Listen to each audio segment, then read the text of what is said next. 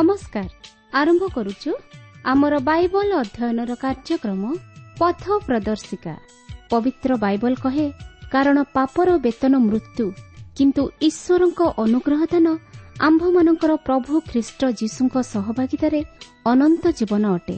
ଆସନ୍ତୁ ସେହି ମୃତ୍ୟୁର ଭୟରୁ ରକ୍ଷା ପାଇ ଅନନ୍ତ ଜୀବନର ଅଧିକାରୀ ହେବା ନିମନ୍ତେ ଶୁଣିବା ବେତାର କାର୍ଯ୍ୟକ୍ରମ ପଥ ପ୍ରଦର୍ଶିକା।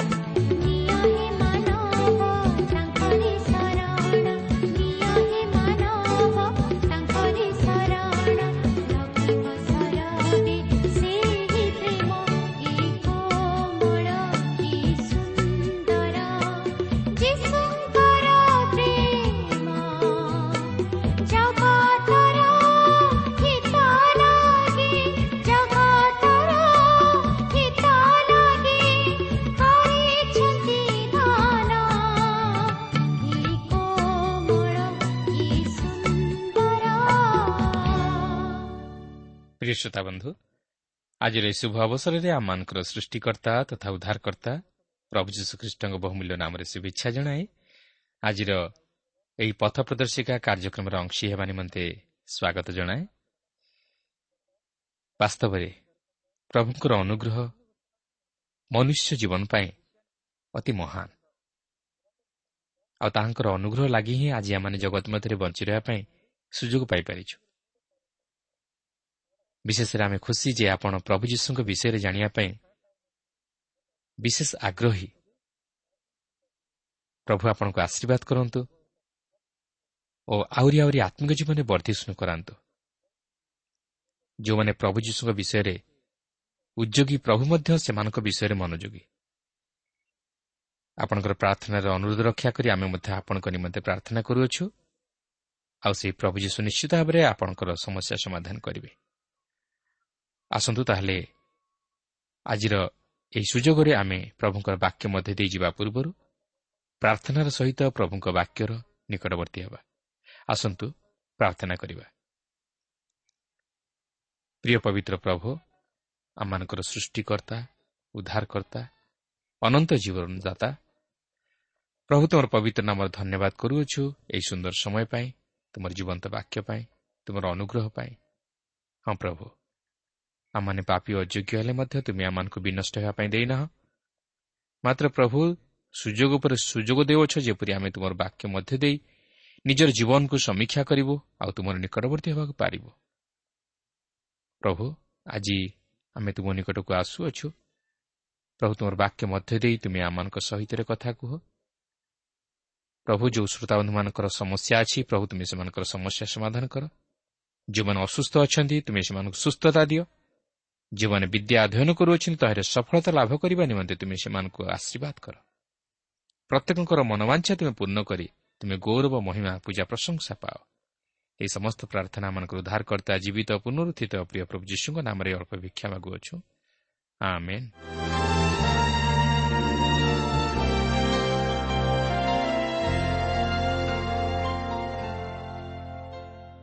ଆସନ୍ତୁ ବର୍ତ୍ତମାନ ଆମେ ପ୍ରଭୁଙ୍କର ବାକ୍ୟ ମଧ୍ୟକୁ ଯିବା। ଆଜି ଆମେ ପ୍ରେରିତ ଛବିଶ ପର୍ବର ଛବିଶ ପଦରୁ ଆରମ୍ଭ କରି ସତେଇଶ ପର୍ବର ତେର ପଦ ପର୍ଯ୍ୟନ୍ତ ଅଧ୍ୟୟନ କରିବା ନିମନ୍ତେ ଯିବା। ମୋର ଅନୁରୋଧ ଆପଣ ମନୋଯୋଗର ସହିତ ଏହି କାର୍ଯ୍ୟକ୍ରମ ଶୁଣନ୍ତୁ। ଏହି କାର୍ଯ୍ୟକ୍ରମ ଆପଣଙ୍କୁ କିପରି ଲାଗିଲା ଓ ଆପଣ ଯଦି ବାସ୍ତବରେ ଆତ୍ମିକ ଜୀବନରେ ଉପକୃତ ହୋଇପାରିଛନ୍ତି ଓ କିଛି ନୂତନତ୍ୱ ଅନୁଭବ କରିଛନ୍ତି ତାହେଲେ ପତ୍ର ମାଧ୍ୟମରେ ତହିଁର ମତାମତ ଲେଖି ଜଣାଇବାକୁ ଅନୁରୋଧ। ତେବେ ଆପଣଙ୍କର ମନେ ଥିବ ଯେ ଗତ ଆଲୋଚନାରେ ଆମେ ଦେଖିଥିଲୁ ପ୍ରେରିତ ପାଉଲ ରାଜା ଆଗ୍ରିପାଙ୍କ ନିକଟରେ ନିଜ ଜୀବନର ସାକ୍ଷ୍ୟ ତଥା ଅନୁଭୂତିକୁ ଉପସ୍ଥାପିତ କରିବା ନିମନ୍ତେ ସୁଯୋଗ ପାଇଥିଲେ ଓ ସେ ସେହି ସାକ୍ଷ୍ୟ ମାଧ୍ୟମରେ ଖ୍ରୀଷ୍ଟଙ୍କୁ ଉପସ୍ଥାପିତ କରିଥିଲେ ଓ ଖ୍ରୀଷ୍ଟଙ୍କର ସୁଷମାଚାର ପ୍ରଚାର କରିଥିଲେ। ମାତ୍ର ଫେଷ୍ଟ ତାହା ଜାଣିପାରି ଉତ୍ତ୍ୟକ୍ତ ହୋଇ ତହିଁରେ ପ୍ରତିବନ୍ଧକ ସୃଷ୍ଟି କରିଥିଲେ। ମାତ୍ର ପାଉଲ ଫେଷ୍ଟକୁ ବୁଦ୍ଧିର ସହିତ ଉତ୍ତର ଦେଇଥିଲେ ଯେ ସେ ପାଗଳ ନୁହନ୍ତି ମାତ୍ର ସତ୍ୟ ଓ ସ୍ଥିର ବୁଦ୍ଧିର ବାକ୍ୟ ବ୍ୟକ୍ତ କରୁଅଛନ୍ତି। କିନ୍ତୁ ଆଜି ଆମେ ଆମର ବାଇବଲ ଅଧ୍ୟୟନରେ ସେହି ଘଟଣାର କ୍ରମଶଃ ଅଧ୍ୟୟନ କରି ଆଲୋଚନା କରିବା ନିମନ୍ତେ ଯିବା। ତେବେ ଲକ୍ଷ୍ୟ କରନ୍ତୁ ପାଉଲ ଫେଷ୍ଟଙ୍କୁ ଉତ୍ତର ଦେବା ପରେ ସେ ରାଜା ଆଗ୍ରିପାଙ୍କ ନିକଟକୁ ଫେରିଯାଉଛନ୍ତି ଏକ ପ୍ରଶ୍ନ ନେଇ। ଦେଖନ୍ତୁ ଛବିଶ ପର୍ବର ଛବିଶ ଓ ସତେଇଶ ପଦରେ ଲେଖା ଅଛି। ରାଜା ତ ଏ ସମସ୍ତ ବିଷୟ ଜାଣନ୍ତି। ଆଉ ମୁଁ ତାଙ୍କ ଛାମୁରେ ମଧ୍ୟ ସାହସରେ କଥା କହୁଅଛି। କାରଣ ଏହି ସମସ୍ତ ବିଷୟର କୌଣସି କଥା ତାଙ୍କର ଅଗୋଚର ନୁହେଁ ବୋଲି ମୋର ବିଶ୍ୱାସ। ଏହା ତ ଗୋପନରେ କରା ହୋଇନାହିଁ ହେ ରାଜନାଗ୍ରିପା ଆପଣ କ'ଣ ମାଓବାଦୀମାନଙ୍କୁ ବିଶ୍ୱାସ କରନ୍ତି? ଆପଣ ବିଶ୍ୱାସ କରନ୍ତି ବୋଲି ମୁଁ ଜାଣେ। ଦେଖନ୍ତୁ ପାଉଲ ଏଠାରେ ପ୍ରକାଶ କରି କହନ୍ତି ଯେ ରାଜା ଆଗ୍ରିପା ମଧ୍ୟ ଏହି ସମସ୍ତ ବିଷୟ ଜାଣନ୍ତି କିନ୍ତୁ ଜାଣିବା ଓ ଗ୍ରହଣ କରିବା ମଧ୍ୟରେ ଯଥେଷ୍ଟ ପାର୍ଥକ୍ୟତା ରହିଅଛି। କୌଣସି ଘଟଣାର ଅର୍ଥ ନ ବୁଝି ମଧ୍ୟ ତହିଁରେ ବିଶ୍ୱାସ କରିବା ସମ୍ଭବ ଯୋଗ୍ୟ ଆପଣ ସୁଷମାଚାରର ଘଟଣାଗୁଡ଼ିକ ବିଷୟରେ ଜାଣିପାରନ୍ତି ଯାହାକି ପ୍ରଭୁ ଯୀଶୁଖ୍ରୀଷ୍ଟ ଆପଣଙ୍କ ପାପ ନିମନ୍ତେ ମୃତ୍ୟୁଭୋଗ କଲେ ଓ ପୁନରୁଦ୍ଧିତ ହେଲେ। କିନ୍ତୁ ସେହି ଘଟଣା ସହିତ ଆପଣ କେତେ ଦୂର ଜଡ଼ିତ ଓ ତହିଁରେ ବିଶ୍ୱାସ କରନ୍ତି ତାହା ହେଉଛି ଗୁରୁତ୍ୱପୂର୍ଣ୍ଣ ବିଷୟ। ପ୍ରିୟ ବନ୍ଧୁ ଆଜି ଅନେକ ପ୍ରଭୁ ଯୀଶୁଖ୍ରୀଷ୍ଟଙ୍କ ବିଷୟରେ ଜାଣିବାକୁ ଚାହାନ୍ତି। ମାତ୍ର ସେମାନେ ଖ୍ରୀଷ୍ଟଙ୍କୁ ବାସ୍ତବରେ ଜାଣିବାକୁ ଚାହାନ୍ତି ନାହିଁ। ଖ୍ରୀଷ୍ଟଙ୍କ ବିଷୟରେ ଜାଣିଦେଲେ ଯଥେଷ୍ଟ ନୁହେଁ। ମାତ୍ର ତାହାଙ୍କଠାରେ ବିଶ୍ୱାସ ସ୍ଥାପନ କରି ତାହାଙ୍କୁ ବ୍ୟକ୍ତିଗତ ଭାବେ ଜାଣିବା ହେଉଛି ଗୁରୁତ୍ୱପୂର୍ଣ୍ଣ ବିଷୟ। ଏହାପରେ ଅଠେଇଶ ଓ ଅଣତିରିଶ ପଦରେ ଲେଖା ଅଛି ସେଥିରେ ଆଗ୍ରିପା ପାଉଲଙ୍କୁ କହିଲେ ଅଳ୍ପ କଥାରେ ତୁମ୍ଭେ ଆମ୍ଭକୁ ଖ୍ରୀଷ୍ଟିଆନ କରିପାର ବୋଲି ମନେ କରୁଅଛ? ପାଉଲ କହିଲେ ଅଳ୍ପରେ ହେଉ କି ବହୁତରେ ହେଉ କେବଳ ଆପଣ ନୁହନ୍ତି ମାତ୍ର ଯେତେ ଲୋକ ଆଜି ମୋର କଥା ଶୁଣୁଅଛନ୍ତି ଯେପରି ସେମାନେ ସମସ୍ତେ ସୁଦ୍ଧା ଏହି ବନ୍ଧନ ବିନା ମୋହରି ପରି ହୁଅନ୍ତି ଏହା ମୁଁ ଈଶ୍ୱରଙ୍କ ନିକଟରେ ପ୍ରାର୍ଥନା କରୁଅଛି। ପାଉଲଙ୍କର ଏକମାତ୍ର ଲକ୍ଷ୍ୟ ଥିଲା ଯେପରି ଖ୍ରୀଷ୍ଟଙ୍କ ନିମନ୍ତେ ସେ ଅନେକଙ୍କୁ ଲାଭ କରିପାରନ୍ତି ଯେପରି ପ୍ରତ୍ୟେକ ଲୋକ ତାହାଙ୍କ ପରି ଖ୍ରୀଷ୍ଟଙ୍କର ପରିଚୟ ପାଆନ୍ତି ଓ ଖ୍ରୀଷ୍ଟଙ୍କ ନିମନ୍ତେ ସାକ୍ଷୀ ହୁଅନ୍ତି। ଆଗ୍ରିପା ଯଦିଓ ଖ୍ରୀଷ୍ଟଙ୍କ ବିଷୟରେ ଶୁଣିଥିଲେ ମାତ୍ର ସେ ଖ୍ରୀଷ୍ଟଙ୍କୁ ଗ୍ରହଣ କରିବା ନିମନ୍ତେ ଇଚ୍ଛା କରିନଥିଲେ କାରଣ ଯେପର୍ଯ୍ୟନ୍ତ ଜଣେ ବ୍ୟକ୍ତି ନିଜ ଜୀବନରେ ଖ୍ରୀଷ୍ଟଙ୍କର ପରିଚୟ ନ ପାଇଛି ଓ ନିଜ ଜୀବନରେ ତାହାଙ୍କୁ ଗ୍ରହଣ ନ କରିଛି ସେ ପର୍ଯ୍ୟନ୍ତ ସେ କେବେ ହେଲେ ପରିବର୍ତ୍ତିତ ହୋଇପାରିବ ନାହିଁ। ଯେଉଁ ପାଉଲ ଦିନେ ଖ୍ରୀଷ୍ଟ ବିଶ୍ୱାସୀମାନଙ୍କୁ ତାଡ଼ନା କରିବା ନିମନ୍ତେ ଓ କାରାଗାରରେ ସମର୍ପଣ କରିବା ନିମନ୍ତେ ଆଗେଇ ଯାଇଥିଲେ ସେଠାରେ ଅନେକଙ୍କୁ ଖ୍ରୀଷ୍ଟଙ୍କ ନିମନ୍ତେ ଲାଭ କରିବାକୁ ଚାହାନ୍ତି ଓ ସେମାନେ ଯେପରି ତାହାଙ୍କ ପରି ବନ୍ଧନଗ୍ରସ୍ତ ନ ହୁଅନ୍ତି ଏଥିପାଇଁ ସେମାନଙ୍କ ନିମନ୍ତେ ପ୍ରାର୍ଥନା କରୁଅଛନ୍ତି। ଦେଖନ୍ତୁ କି ଅଦ୍ଭୁତ ପରିବର୍ତ୍ତନ। ସେ ବର୍ତ୍ତମାନ ଅନ୍ୟମାନଙ୍କର ଉଦ୍ଧାର ନିମନ୍ତେ ପ୍ରାର୍ଥନା କରୁଅଛନ୍ତି। ସମସ୍ତେ ଯେପରି ସେହି ଖ୍ରୀଷ୍ଟଙ୍କର ହୁଅନ୍ତି ଏହା ତାଙ୍କର ଇଚ୍ଛା। ସେ କେବଳ ରାଜା ଓ ଶାସନକର୍ତ୍ତାମାନଙ୍କ ଉଦ୍ଧାର ନିମନ୍ତେ ଚିନ୍ତିତ ନୁହନ୍ତି ମାତ୍ର ସମସ୍ତଙ୍କର ଉଦ୍ଧାର ନିମନ୍ତେ ଚିନ୍ତିତ ଅଟନ୍ତି। କିନ୍ତୁ କାହିଁକି? ଯେହେତୁ ସମସ୍ତେ ଦିନେ ଈଶ୍ୱରଙ୍କ ବିଚାରର ସମ୍ମୁଖୀନ ହେବାକୁ ଯାଉଅଛନ୍ତି ଓ ପ୍ରତ୍ୟେକ ଆପଣା ଆପଣା କର୍ମ ନେଇ ବିଚାରିତ ହେବେ। ଯେହେତୁ ପ୍ରଭୁ ଯୀଶୁଖ୍ରୀଷ୍ଟ ମୃତ୍ୟୁରୁ ଉଠିଅଛନ୍ତି ତେଣୁକରି ଆଗାମୀ ବିଚାର ମଧ୍ୟ ରହିଅଛି। କାରଣ ଏକ ସିଂହାସନ ଅଛି ଯେଉଁଥିରେ କି ପ୍ରଭୁ ଯୀଶୁଖ୍ରୀଷ୍ଟ ଉପବେଶନ କରିଅଛନ୍ତି ଓ ସେ ଏହି ଜଗତର ବିଚାର ମଧ୍ୟ କରିବା ନିମନ୍ତେ ଆଗମନ କରୁଅଛନ୍ତି। ତେଣୁ ଈଶ୍ୱର ଚାହାନ୍ତି ତାହାଙ୍କର ସୃଷ୍ଟ ପ୍ରତ୍ୟେକ ମନୁଷ୍ୟ ଜାତି ଯେପରି ପାପରୁ ଉଦ୍ଧାର ପାଇ ସେହି ବିଚାରରୁ ରକ୍ଷା ପାଆନ୍ତି। ତିରିଶରୁ ବତିଶ ପଦ ମଧ୍ୟରେ ଲେଖା ଅଛି ସେଥିରେ ରାଜା ଶାସନକର୍ତ୍ତା ବର୍ଣ୍ଣିକି ଓ ସେମାନଙ୍କ ସହିତ ଉପବିଷ୍ଟ ବ୍ୟକ୍ତିମାନେ ଉଠିଯାଇ ଅନ୍ତର ହୋଇ ପରସ୍ପର କଥାବାର୍ତ୍ତା କରୁ କରୁ କହିଲେ ଏହି ଲୋକ ମୃତ୍ୟୁ କି ବନ୍ଧନଯୋଗ୍ୟ କୌଣସି କର୍ମ କରିନାହିଁ। ଆଉ ଆଗ୍ରିବା ଫେଷ୍ଟଙ୍କୁ କହିଲେ ଏହି ଲୋକ ଯଦି କାଇସରଙ୍କ ଛାମୁରେ ବିଚାରିତ ହେବା ନିମନ୍ତେ ପ୍ରାର୍ଥନା କରିନଥାନ୍ତା ତେବେ ମୁକ୍ତ କରାଯାଇ ପାରିଥାନ୍ତା। ଏଥିରୁ ଆମେ ଜାଣିବାକୁ ପାରୁଅଛୁ ପାଉଲ ନିର୍ଦ୍ଦୋଷୀ ଥିଲେ। ତାଙ୍କର କୌଣସି ସେହିପରି ଅପରାଧ ନଥିଲା। କିନ୍ତୁ ସେ ଏହିପରି ପରିସ୍ଥିତି ମଧ୍ୟ ଦେଇ ଗଲେ ଯେପରି ଈଶ୍ୱରଙ୍କ ଉଦ୍ଦେଶ୍ୟ ତାହାଙ୍କ ଜୀବନରେ ସଫଳ ହେବାକୁ ପାରେ। କାରଣ ତାହାଙ୍କୁ ଯେ ଅବଶ୍ୟ ରୋମ୍ରେ ସାକ୍ଷୀ ହେବାକୁ ହେବ ଏହା ଈଶ୍ୱର ତାହାଙ୍କୁ ପୂର୍ବରୁ ଜଣାଇ ଦେଇଥିଲେ। ତେବେ ପାଉଲଙ୍କର ରୋମ୍କୁ ଯିବାର ବିଷୟ ଏଠାରେ ଅତି ସ୍ପଷ୍ଟ ଭାବେ ଜଣାପଡ଼ିଯାଏ। ତେଣୁ ଯେଉଁମାନେ ଭାବନ୍ତି ଯେ ପାଉଲ କାଇସରଙ୍କ ଛାମୁରେ ବିଚାରିତ ହେବା ନିମନ୍ତେ ପ୍ରାର୍ଥନା କରିବା ତାହାଙ୍କ ପକ୍ଷରେ ଅନୁଚିତ ଥିଲା ବୋଲି ତାହା ଭୁଲ ଧାରଣା। ପାଉଲ ସେହିପରି କହିବା ଦ୍ୱାରା କିଛି ଭୁଲ କରିନଥିଲେ। କାରଣ ଜଣେ ରୋମିଓ ନାଗରିକ ହିସାବରେ କାଇସରଙ୍କ ଛାମୁରେ ବିଚାରିତ ହେବା ତାହାଙ୍କ ପକ୍ଷରେ ନ୍ୟାୟସଙ୍ଗତର କାରଣ ଥିଲା। ତାଛଡ଼ା ଏହାର ପଛରେ ମଧ୍ୟ ଈଶ୍ୱରଙ୍କର ମହାନ ଉଦ୍ଦେଶ୍ୟ ଥିଲା ଯେପରି ପାଉଲ ରୋମ୍ରେ ଯାଇ ଖ୍ରୀଷ୍ଟଙ୍କ ନିମନ୍ତେ ସାକ୍ଷୀ ହୁଅନ୍ତି। ରୋମିଓ ମଣ୍ଡଳୀ ନିକଟକୁ ପାଉଲ ପତ୍ର ଲେଖିବା ସମୟରେ ରୋମ୍କୁ ଯିବା ନିମନ୍ତେ ତାହାଙ୍କ ମନରେ ଯେଉଁ ପ୍ରବଳ ଇଚ୍ଛା ଥିଲା ତାହା ସେ ପ୍ରକାଶ କରନ୍ତି। ରୋମିଓ ପ୍ରଥମ ପର୍ବର ଦଶ ଓ ଏଗାର ପଦରେ ଲେଖା ଅଛି ଏଥିନିମନ୍ତେ ମୁଁ କିପରି ନିରନ୍ତର ତୁମାନଙ୍କ ନାମ ଉଲ୍ଲେଖ କରି ମୋର ସମସ୍ତ ପ୍ରାର୍ଥନାରେ ସର୍ବଦା ନିବେଦନ କରି ଆସୁଅଛି ସେ ବିଷୟରେ ଯେଉଁ ଈଶ୍ୱରଙ୍କୁ ମୁଁ ମୋହର ଆତ୍ମା ଦେଇ ତାହାଙ୍କ ପୁତ୍ରଙ୍କ ସୁଷମାଚାରରେ ସେବା କରେ ସେ ମୋହର ସାକ୍ଷୀ ଅଟନ୍ତି। ଯେଣୁ ତୁମେମାନେ ଯେପରି ସ୍ଥିରୀକୃତ ହୋଇପାର ସେଥିପାଇଁ ମୁଁ ତୁମାନଙ୍କୁ କୌଣସି ଆତ୍ମିକ ଦାନ ଦେବା ନିମନ୍ତେ ତୁମାନଙ୍କ ସହିତ ସାକ୍ଷାତ କରିବାକୁ ଏକାନ୍ତ ଇଚ୍ଛା କରୁଅଛି। ତେବେ ପାଉଲ ଯେ ରୋମ୍କୁ ଯାଉଛନ୍ତି ଏହା ନିଶ୍ଚିତ। କିନ୍ତୁ ଆପଣ ପ୍ରଶ୍ନ କରିପାରନ୍ତି ଯେ ତାହାଙ୍କର ରୋମ୍କୁ ଯାତ୍ରା କରିବା କ'ଣ ଏକ ସୁଖକର ଯାତ୍ରା ଥିଲା? ତେବେ ତାହା ସୁଖକର କି ଦୁଃଖକର ଯାତ୍ରା ଥିଲା ତାହା ମୁଁ କହିପାରିବି ନାହିଁ। ମାତ୍ର ପାଉଲ ଈଶ୍ୱରଙ୍କ ଇଚ୍ଛା ଅନୁଯାୟୀ ରୋମ୍କୁ ଯାତ୍ରା କରିଥିବାରୁ ଏହା ଈଶ୍ୱରଙ୍କ ଦୃଷ୍ଟିରେ ଓ ପାଉଲଙ୍କ ଦୃଷ୍ଟିରେ ଏକ ସୁଖ ସମୃଦ୍ଧିର ଯାତ୍ରା ଥିଲା। ଜାଗତିକ ଦୃଷ୍ଟିକୋଣରୁ ଚିନ୍ତା କଲେ ଏହା ହୁଏତ ଆମମାନଙ୍କ ଦୃଷ୍ଟିରେ ଦୁଃଖକର ବୋଲି ମନେ ହୁଏ। ମାତ୍ର ଏହି ଯାତ୍ରା ଈଶ୍ୱରଙ୍କର ଏକ ମହତ ଉଦ୍ଦେଶ୍ୟକୁ ସଫଳ କରିବାକୁ ଯାଉଥିବାରୁ ଏହା ପାଉଲଙ୍କ ପ୍ରଚାର ଯାତ୍ରା ମଧ୍ୟରେ ସବୁଠାରୁ ସଫଳ ପ୍ରଚାର ଯାତ୍ରା ଥିଲା। କାରଣ ଈଶ୍ୱରଙ୍କର ଇଚ୍ଛା ଥିଲା ଯେପରି ପାଉଲ ରୋମ୍କୁ ଯାଇ ଖ୍ରୀଷ୍ଟଙ୍କ ନିମନ୍ତେ ସାକ୍ଷୀ ହୁଅନ୍ତୁ। ପ୍ରିୟ ବନ୍ଧୁ ସବୁବେଳେ ଈଶ୍ୱରଙ୍କର ଇଚ୍ଛାକୁ ସଫଳ କରିବାକୁ ଚେଷ୍ଟା କରନ୍ତୁ। ମାତ୍ର ନିଜର ଇଚ୍ଛାକୁ ନୁହେଁ ତାହେଲେ ଜୀବନରେ ଈଶ୍ୱରଙ୍କର ସନ୍ତୋଷ ପାତ୍ର ତଥା ପ୍ରିୟ ପାତ୍ର ହୋଇ ରହିପାରିବେ। ତେବେ ଏହିଠାରେ ଆମେ ପ୍ରେରିତ ଛବିଶ ପର୍ବଟି ଅଧ୍ୟୟନ କରି ସମାପ୍ତ କଲୁ ମାତ୍ର ଏହାପରେ ଆମେ ସତେଇଶ ପର୍ବ ମଧ୍ୟକୁ ଯିବା। ଏହି ପର୍ବରେ ଆମେ ଦେଖିବାକୁ ପାରିବା ଯେ ପାଉଲ ସାମୁଦ୍ରିକ ଝଡ଼ ଓ ଜାହାଜ ଭଙ୍ଗ ଦେଇ ରୋମ୍କୁ ଗଲେ। ଅନେକ ଝଡ଼ଝଞ୍ଜା ମଧ୍ୟ ଦେଇ ସେ ରୋମ୍କୁ ଗଲେ।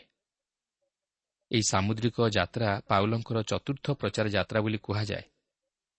ଏହି ସାମୁଦ୍ରିକ ଯାତ୍ରା ପାଉଲଙ୍କ ନିମନ୍ତେ ଏକ ଚମତ୍କାର ଅନୁଭୂତି ଥିଲା। ସେ ଯଦିଓ ଏହି ସମୟରେ ଜଣେ ରୋମିଓ ବନ୍ଦୀ ରୂପେ ଯାତ୍ରା କରିଥିଲେ ଓ ରୋମିଓ ସରକାର ତାହାଙ୍କର ଯାତ୍ରାର ସମସ୍ତ ଖର୍ଚ୍ଚଭାର ବହନ କରିଥିଲେ ମାତ୍ର ଏହା ଥିଲା ଈଶ୍ୱରଙ୍କର ଉଦ୍ଦେଶ୍ୟ ଓ ପାଉଲଙ୍କର ପ୍ରାର୍ଥନା। ଯେପରି ସେ ରୋମ୍କୁ ଯାଇ ଖ୍ରୀଷ୍ଟଙ୍କ ନିମନ୍ତେ ସାକ୍ଷୀ ହୁଅନ୍ତି। ଏହି ଯାତ୍ରା ଯଦିଓ ତାହାଙ୍କର ଅନ୍ୟାନ୍ୟ ପ୍ରଚାର ଯାତ୍ରା ଅପେକ୍ଷା ଭିନ୍ନ ଥିଲା ଓ ସେ ବନ୍ଦୀ ଅବସ୍ଥାରେ ରୋମ୍କୁ ଯାତ୍ରା କରିଥିଲେ ମାତ୍ର ସେ କେବେ ହେଲେ ଭାଙ୍ଗି ପଡ଼ିନଥିଲେ କି ବିଶ୍ୱାସରେ ଦୁର୍ବଳ ହୋଇଯାଇନଥିଲେ ସେ ଅତି ସାହସ ଓ ବିଶ୍ୱାସର ସହିତ ଯାତ୍ରା କରିଥିଲେ ଓ ଅତି ବିଶ୍ୱସ୍ତ ଭାବରେ ପ୍ରଚାର କାର୍ଯ୍ୟ କରିଥିଲେ। କାରଣ ସେ କହନ୍ତି ଯାହାକି ଫିଲିପି ପ୍ରଥମ ପର୍ବର ବାରପତରେ ଲେଖା ଅଛି ହେ ଭାଇମାନେ ମୋ ପ୍ରତି ଯାହା ଯାହା ଘଟିଅଛି ସେହିସବୁ ଯେ ବରଂ ସୁଷମାଚାର କାର୍ଯ୍ୟର ବୃଦ୍ଧି ନିମନ୍ତେ ହୋଇଅଛି ଏହା ତୁମମାନଙ୍କୁ ଜଣାଇବାକୁ ମୁଁ ଇଚ୍ଛା କରେ। ତେବେ ଏହି ପର୍ବରେ ଆମେ ପାଉଲଙ୍କର ସେହି ସାମୁଦ୍ରିକ ଯାତ୍ରାର ଏକ ଧାରା ବିବରଣୀ ପ୍ରଦାନ କରାଯାଇଥିବାର ଲକ୍ଷ୍ୟ କରିବାକୁ ପାରିବା ଏହା ଯେତିକି କୌତୁହଳଜନକ ସେତିକି ଲୋମହର୍ଷଣଜନକ। କାରଣ ଏହି ସାମୁଦ୍ରିକ ଯାତ୍ରାରେ ପାଉଲ ଯେଉଁ ଭୟଙ୍କର ଅନୁଭୂତି ମଧ୍ୟ ଦେଇ ଯାତ୍ରା କରିଥିଲେ ତାହା ଭାବିଲେ ଲୋମ ଶିହରି ଉଠେ। ଆସନ୍ତୁ ତାହେଲେ ଆମେ ପାଉଲଙ୍କର ସେହି ସାମୁଦ୍ରିକ ଯାତ୍ରା ସହିତ ନିଜକୁ ସାମିଲ କରି ସେହି ଅନୁଭୂତିରୁ କିଛି କିଛି ନିଜ ଜୀବନ ନିମନ୍ତେ ସଂଗ୍ରହ କରିବା ପାଇଁ ଚେଷ୍ଟା କରିବା। ସତୀଶ ପର୍ବର ପ୍ରଥମ ପଦରେ ଲେଖା ଅଛି। ଯେତେବେଳେ ଆମମାନଙ୍କର ଜାହାଜରେ ଚଢ଼ି ଇଟାଲିଆକୁ ଯିବା ସ୍ଥିର ହୋଇଥିଲା ସେତେବେଳେ ପାଉଲ ଓ ଅନ୍ୟ କେତେକ ବନ୍ଦୀ ରାଜକୀୟ ସୈନ୍ୟ ଦଳର ଜୁଲିଓ ନାମକ ଜଣେ ସତସେନାପତିଙ୍କ ହସ୍ତରେ ସମର୍ପିତ ହେଲେ। ଏଇଠି ଦେଖନ୍ତୁ ପ୍ରେରିତ ପାଉଲଙ୍କର ଜଳଯାତ୍ରା ବା ସାମୁଦ୍ରିକ ଯାତ୍ରା ଆରମ୍ଭ ହୋଇଅଛି। ଏହି ପ୍ରଥମ ସାମୁଦ୍ରିକ ଯାତ୍ରା ସେମାନେ ଇଟାଲୀକୁ କରିଥିଲେ। ପାଉଲ ଏହି ଯାତ୍ରାରେ ଆଉ ଏକ ଦଳର ଲୋକମାନଙ୍କ ମଧ୍ୟରେ ସୁଷମାଚାର ପ୍ରଚାର କରିବା ନିମନ୍ତେ ସୁଯୋଗ ପାଇଥିଲେ। ସେ ବନ୍ଦୀମାନଙ୍କ ଗହଣରେ ସୁଷମାଚାର ପ୍ରଚାର କରିବା ନିମନ୍ତେ ସୁଯୋଗ ପାଇଥିଲେ। ପାଉଲ ଓ ଅନ୍ୟ କେତେକ ବନ୍ଦୀ ଜୁଲିଓ ନାମକ ଜଣେ ସତସେନାପତିଙ୍କ ହସ୍ତରେ ସମର୍ପିତ ହୋଇଥିଲେ। କିନ୍ତୁ ପାଉଲ ଓ ଅନ୍ୟ ବନ୍ଦୀମାନଙ୍କ ମଧ୍ୟରେ ଯଥେଷ୍ଟ ପାର୍ଥକ୍ୟତା ଥିଲା। ସେମାନେ ପାଉଲଙ୍କ ପରି ସୁଷମାଚାର ନିମନ୍ତେ ବନ୍ଧନଗ୍ରସ୍ତ ନଥିଲେ। ମାତ୍ର ସେମାନେ ଅପରାଧୀ ଥିଲେ। ଓ ସମ୍ଭବତଃ ସେମାନେ ପ୍ରାଣଦଣ୍ଡରେ ଦଣ୍ଡିତ ହେବାକୁ ଯାଉଥିଲେ। ସେମାନେ ଆଶାଶୂନ୍ୟ ଓ ଭରସାବିହୀନ ହୋଇ ରହିଥିଲେ। ସେମାନେ ଦୁଃଖରେ ଭାଙ୍ଗି ପଡ଼ିଥିଲେ। କିନ୍ତୁ ପାଉଲଙ୍କର କଥା ସେମାନଙ୍କର ସେହି ଆଶାଶୂନ୍ୟ ଜୀବନରେ ଏକ ନୂତନ ଆଶା ଓ ଭରସା ସଞ୍ଚାର କରିଥିଲା। ପାଉଲଙ୍କର ସେହି ଭରସାଦାୟକ ସୁଷମାଚାର ସେମାନଙ୍କ ମନରେ ଏକ ଅପୂର୍ବ ଆନନ୍ଦ ଓ ଶାନ୍ତି ଭରି ଦେଇଥିଲା। ଯଦିଓ ସେମାନେ ଶାରୀରିକ ଭାବେ ସେହି ବନ୍ଧନରୁ ମୁକ୍ତ ହୋଇନଥିଲେ ମାତ୍ର ଆତ୍ମିକ ଭାବେ ମୁକ୍ତ ହୋଇଥିଲେ। ସେମାନେ ସେହି ପାପର ବନ୍ଧନରୁ ମୁକ୍ତ ହୋଇଥିଲେ। ଆପଣ ଜାଣିଥିବେ ପ୍ରଭୁ ଯୀଶୁ ବନ୍ଦୀମାନଙ୍କୁ ମୁକ୍ତ କରିବା ପାଇଁ ମଧ୍ୟ ଏହି ଜଗତକୁ ଆସିଥିଲେ। ଅର୍ଥାତ୍ ଯେଉଁମାନେ ପାପର ବନ୍ଧନରେ ବନ୍ଧନଗ୍ରସ୍ତ ସେମାନଙ୍କୁ ପାପର ବନ୍ଧନରୁ ମୁକ୍ତ କରି ସ୍ୱାଧୀନତା ଦେବା ନିମନ୍ତେ ଆସିଥିଲେ। ତେବେ ଏଠାରେ ଲକ୍ଷ୍ୟ କରିବାର ବିଷୟ ହେଉଛି ପାଉଲ ଯଦିଓ ବନ୍ଧନରେ ଥିଲେ ମାତ୍ର ସେ ବନ୍ଧନଗ୍ରସ୍ତ ଲୋକମାନଙ୍କ ନିକଟରେ ସୁଷମାଚାର ପ୍ରଚାର କରି ସେମାନଙ୍କୁ ପାପର ବନ୍ଧନରୁ ମୁକ୍ତ କଲେ। ପାଉଲ ଯେଉଁ ଜୁଲିଓ ନାମକ ସତସେନାପତିଙ୍କ ହସ୍ତରେ ସମର୍ପିତ ହୋଇଥିଲେ ସେହି ସତସେନାପତି ଜଣେ ଉତ୍ତମ ଲୋକ ଥିଲେ ଯାହାକି ଆମେ ପରେ ଦେଖିବାକୁ ପାରିବା। ଏହାପରେ ସତୀଶ ପର୍ବର ଦୁଇ ପଦରେ ଲେଖା ଅଛି ସେଥିରେ ଆସିଆ ଉପକୂଳରେ ବିଭିନ୍ନ ସ୍ଥାନକୁ ଯିବା ନିମନ୍ତେ ଉଦ୍ୟତ ଗୋଟିଏ ଆଦ୍ରାମୁତ୍ୟ ଜାହାଜରେ ଆମମାନେ ଚଢ଼ି ଜାହାଜ ଫିଟାଇ ଦେଲୁ ଆଉ ମାକିଦନିଆର ଆରିସ୍ତାର୍ଖ ନାମକ ଜଣେ ଥେସଲନିକୀୟ ଲୋକ ଆମମାନଙ୍କ ସାଙ୍ଗରେ ଥିଲେ। ଆପଣ ଯଦି ମାନଚିତ୍ର ଦେଖିବେ ତାହେଲେ ଜାଣିପାରିବେ ଯେ ସେମାନେ ଇସ୍ରାଏଲ୍ର ସମୁଦ୍ର ଉପକୂଳବର୍ତ୍ତୀ ଅଞ୍ଚଳ ଦେଇ ଯାତ୍ରା କରୁଅଛନ୍ତି କିନ୍ତୁ ସେମାନେ ସିଧାସଳଖ ରୋମ୍କୁ ଯାତ୍ରା କରୁନାହାନ୍ତି। ଏହାପରେ ତିନି ପଦରେ ଲେଖା ଅଛି ପରଦିନ ଆମମାନେ ସିଦୋନରେ ପହଞ୍ଚିଲୁ ଆଉ ଜୁଲିଓ ପାଉଲଙ୍କ ପ୍ରତି ସଦୟ ବ୍ୟବହାର କରି ଆପଣ ମିତ୍ରମାନଙ୍କ ନିକଟକୁ ଯାଇ ସେବା ପାଇବା ନିମନ୍ତେ ଅନୁମତି ଦେଲେ। ଜୁଲିଓ ପାଉଲଙ୍କ ପ୍ରତି କୋମଳ ବ୍ୟବହାର ଦେଖାଉଛନ୍ତି। ପାଉଲ ଯେପରି ସେବା ପାଇବାକୁ ପାରନ୍ତି ଏଥି ନିମନ୍ତେ ଆପଣା ମିତ୍ରମାନଙ୍କ ନିକଟକୁ ତାହାଙ୍କୁ ପଠାଉଛନ୍ତି। ସ୍ୱର ଓ ସିଦୋନ ଏକ ସ୍ଥାନ ଯାହାକି ଫୈନିକିଆର ଉପକୂଳବର୍ତ୍ତୀ ଅଞ୍ଚଳରେ ଅବସ୍ଥିତ ଯାହାକି ବର୍ତ୍ତମାନ ଲେବାଲନ୍ ବୋଲି ପରିଚିତ। କିନ୍ତୁ ଲକ୍ଷ୍ୟ କରନ୍ତୁ ପାଉଲ ଜଣେ ରୋମିଓ ଅଫିସରଙ୍କଠାରୁ ସାହାଯ୍ୟ ସହାନୁଭୂତି ଓ ଉତ୍ସାହ ପାଉଛନ୍ତି ଯାହାକି ସେ ତାଙ୍କର ଭାଇମାନଙ୍କଠାରୁ ମଧ୍ୟ ସେହିପରି ପାଇପାରିନଥିଲେ। ସେ ସେହି ରୋମିଓ ଅଫିସରଙ୍କ ନିକଟରେ ମଧ୍ୟ ସୁଷମାଚାର ପ୍ରଚାର କରିବା ନିମନ୍ତେ ସୁଯୋଗ ପାଇଥିଲେ ଯାହାଫଳରେ ସେହି ରୋମିଓ ଅଫିସର ତାହାଙ୍କ ପ୍ରତି ଦୟାଭାବ ଦେଖାଇଥିଲେ। ସତେଇଶ ପର୍ବର ଚାରିପଦରୁ ପାଞ୍ଚ ପଦରେ ଲେଖା ଅଛି ସେହି ସ୍ଥାନରୁ ଜାହାଜ ଫିଟାଇ ପ୍ରତିକୂଳ ପବନ ହେତୁ ଆମମାନେ କୁପ୍ରର ଉହାଡ଼େ ଉହାଡ଼େ ଯାତ୍ରା କରି କିଲିକିଆ ଓ ପମ୍ଫୁଲିଆ ସମ୍ମୁଖସ୍ଥ ସମୁଦ୍ର ପାର ହୋଇ ଲୁକିଆର ମୁରାକୁ ଆସିଲୁ ଯାହା ଜଣାଯାଏ ସେମାନେ କୁପ୍ରର ଦକ୍ଷିଣ ଅଞ୍ଚଳକୁ ଆସିଲେ ଯେହେତୁ ସେମାନେ ଉତ୍ତରା ପବନର ସମ୍ମୁଖୀନ ହୋଇଥିଲେ ଓ ଏହାପରେ ସେମାନେ ଏସିଆ ମାଇନରର ଦକ୍ଷିଣ ଉପକୂଳବର୍ତ୍ତୀ ଅଞ୍ଚଳକୁ ଆସିଲେ। ଛଅ ପଦରେ ଲେଖା ଅଛି ସେଠାରେ ସତସେନାପତି ଇଟାଲିଆକୁ ଯାଉଥିବା ଗୋଟିଏ ଆଲେକ୍ଜାଣ୍ଡ୍ରିୟ ଜାହାଜ ପାଇ ସେଥିରେ ଆମମାନଙ୍କୁ ଚଢ଼ାଇ ଦେଲେ। ଦେଖନ୍ତୁ ସେମାନେ ମୁରାରୁ ଆଉ ଏକ ଜାହାଜ ପରିବର୍ତ୍ତନ କରୁଅଛନ୍ତି। ଆଉ ତାହା ଆଲେକ୍ଜାଣ୍ଡ୍ରିୟ ଜାହାଜ ଥିଲା ଯାହାର ଅର୍ଥ ହେଉଛି ଯେ ସେହି ଜାହାଜ ଉତ୍ତର ଆଫ୍ରିକାରୁ ଆସିଥିଲା ଓ ଇଟାଲୀକୁ ଯାଉଥିଲା। ସାତ ଆଠ ପଦରେ ଲେଖା ଅଛି ପରେ ଅନେକ ଦିନ ପର୍ଯ୍ୟନ୍ତ ଧୀରେ ଧୀରେ ଯାଇ କଷ୍ଟରେ କ୍ଲିଦର ସମ୍ମୁଖରେ ଉପସ୍ଥିତ ହୋଇ ପବନ ଆମମାନଙ୍କୁ ଆଗକୁ ଯିବା ପାଇଁ ଛାଡ଼ି ନ ଦେବାରୁ ସାଲମୋନିର ସମ୍ମୁଖ ଦେଇ କ୍ରିତିର ଉହାଡ଼େ ଉହାଡ଼େ ଯାତ୍ରା କଲୁ। ପୁଣି କଷ୍ଟରେ କୂଳେ କୂଳେ ଯାଇ ସୁନ୍ଦର ବନ୍ଦର ନାମକ ଗୋଟିଏ ସ୍ଥାନକୁ ଆସିଲୁ ଲାସାୟା ସେଥିର ନିକଟବର୍ତ୍ତୀ। ଦେଖନ୍ତୁ ଏହି ଯାତ୍ରାର ଆରମ୍ଭରୁ ସେମାନେ ସମସ୍ୟାର ସମ୍ମୁଖୀନ ହୋଇ ଆସୁଅଛନ୍ତି। ସେମାନେ ପ୍ରତିକୂଳ ପବନର ଥରକୁ ଥର ସମ୍ମୁଖୀନ ହେଉଛନ୍ତି ଯାହାଫଳରେ ସେମାନେ ଯେଉଁ ଦିଗରେ ଯିବାକୁ ଇଚ୍ଛା କରୁଅଛନ୍ତି ସେହି ଦିଗରେ ଯାଇପାରୁନାହାନ୍ତି। ଆଉ ଶେଷରେ ସେମାନେ ସୁନ୍ଦର ବନ୍ଦର ନାମକ ଏକ ସ୍ଥାନରେ ଯାଇ ପହଞ୍ଚୁଛନ୍ତି ଯାହାକି କ୍ରିତିର ଦକ୍ଷିଣ ଉପକୂଳବର୍ତ୍ତୀ ଅଞ୍ଚଳ। ଏଥିରୁ ଆପଣ ଅନୁମାନ କରିପାରୁଥିବେ ସେମାନେ ସିଧାସଳଖ ନ ଯାଇ ବୁଲି ବୁଲି ଯାତ୍ରା କରୁଅଛନ୍ତି। ନଅ ଓ ଦଶ ପଦରେ ଲେଖା ଅଛି ଏହି ପ୍ରକାରେ ଅନେକ ସମୟ ଅତିବାହିତ ହେଲା ପୁଣି ଜଳଯାତ୍ରା ବର୍ତ୍ତମାନ ସଙ୍କଟଜନକ ହୋଇପଡ଼ିଲା କାରଣ ସେତେବେଳେ ଉପବାସ ପର୍ବ ଗତ ହୋଇଥିଲା। ଏଣୁ ପାଉଲ ସେମାନଙ୍କୁ ସତର୍କ କରାଇ କହିଲେ ମହାଶୟମାନେ ଏହି ଜଳଯାତ୍ରା ଯେ କେବଳ ମାଲ ଓ ଜାହାଜର ଅନିଷ୍ଟ ହେବ ତାହା ନୁହେଁ ମାତ୍ର ଆମମାନଙ୍କ ପ୍ରାଣର ମଧ୍ୟ ଯେ ଅନିଷ୍ଟ ଓ କ୍ଷତିକାରକ ହେବ ଏହା ମୁଁ ଜାଣୁଅଛି।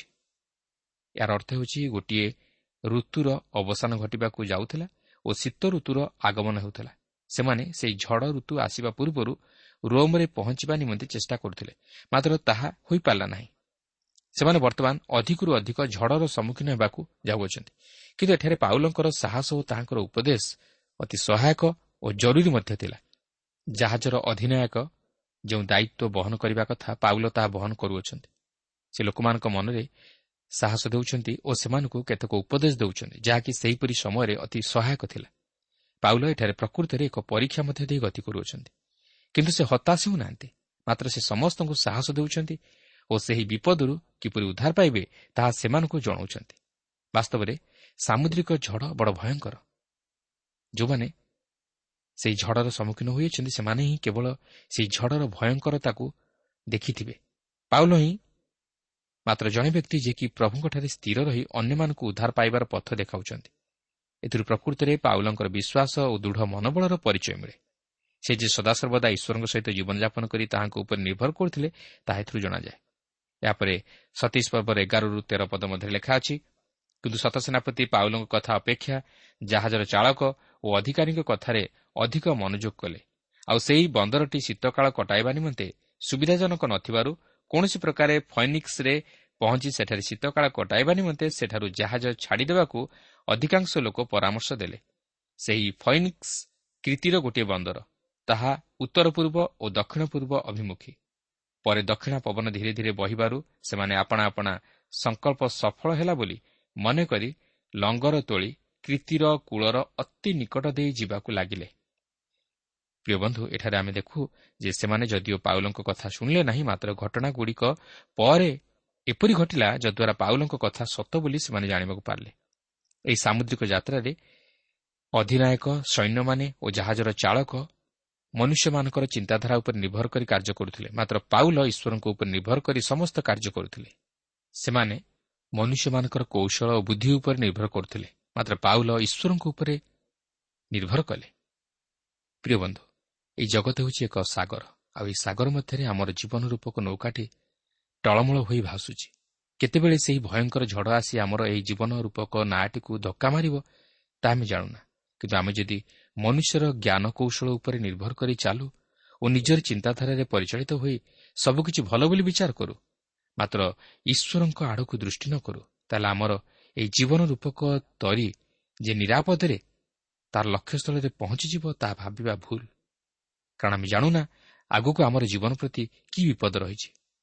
ଯଦି ଆମେ ସବୁ ପରିସ୍ଥିତିରେ ଈଶ୍ୱରଙ୍କ ପ୍ରତି ଦୃଷ୍ଟି ଦେବା ଓ ତାହାଙ୍କ ଇଚ୍ଛା ଲୋଡ଼ି କାର୍ଯ୍ୟ କରିବା ଓ ତାହାଙ୍କୁ ଅର୍ଥାତ୍ ସେହି ପ୍ରଭୁ ଯୀଶୁଙ୍କୁ ଆମର ଏହି ଜୀବନ ରୂପକ ତରିରେ ନାବିକ କରିବା ତାହେଲେ ଆମର ଏହି ତରିଟି ସତ ଝଡ଼ଝଞ୍ଜାକୁ ଅତିକ୍ରମ କରି ଲକ୍ଷ୍ୟସ୍ଥଳରେ ପହଞ୍ଚିପାରିବ ଓ ଈଶ୍ୱରଙ୍କ ଉଦ୍ଦେଶ୍ୟ ମଧ୍ୟ ସଫଳ ହୋଇପାରିବ। ପ୍ରଭୁ ପ୍ରତ୍ୟେକଙ୍କୁ ଆଶୀର୍ବାଦ କରନ୍ତୁ।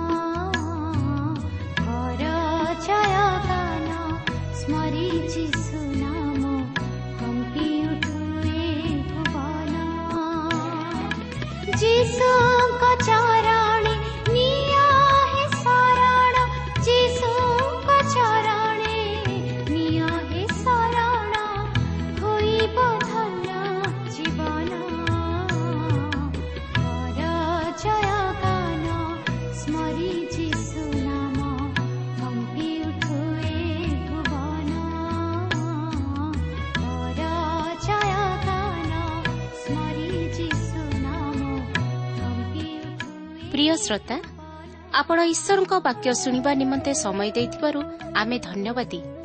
ଆପଣ ଯଦି ପ୍ରଭୁ ଯୀଶୁଙ୍କର ବାକ୍ୟ ବିଷୟରେ ଓ ତାହାଙ୍କର ପ୍ରେମ ବିଷୟରେ ଅଧିକ ଜାଣିବାକୁ ଚାହାନ୍ତି ଯାହାକି ଆପଣଙ୍କୁ ପାପରୁ ଉଦ୍ଧାର ପାଇବା ନିମନ୍ତେ ପଥ ଦେଖାଇବ ତାହେଲେ ଆମ ସହିତ ପତ୍ର ମାଧ୍ୟମରେ ଅଥବା ଟେଲିଫୋନ୍ ଯୋଗେ ଯୋଗାଯୋଗ କରନ୍ତୁ।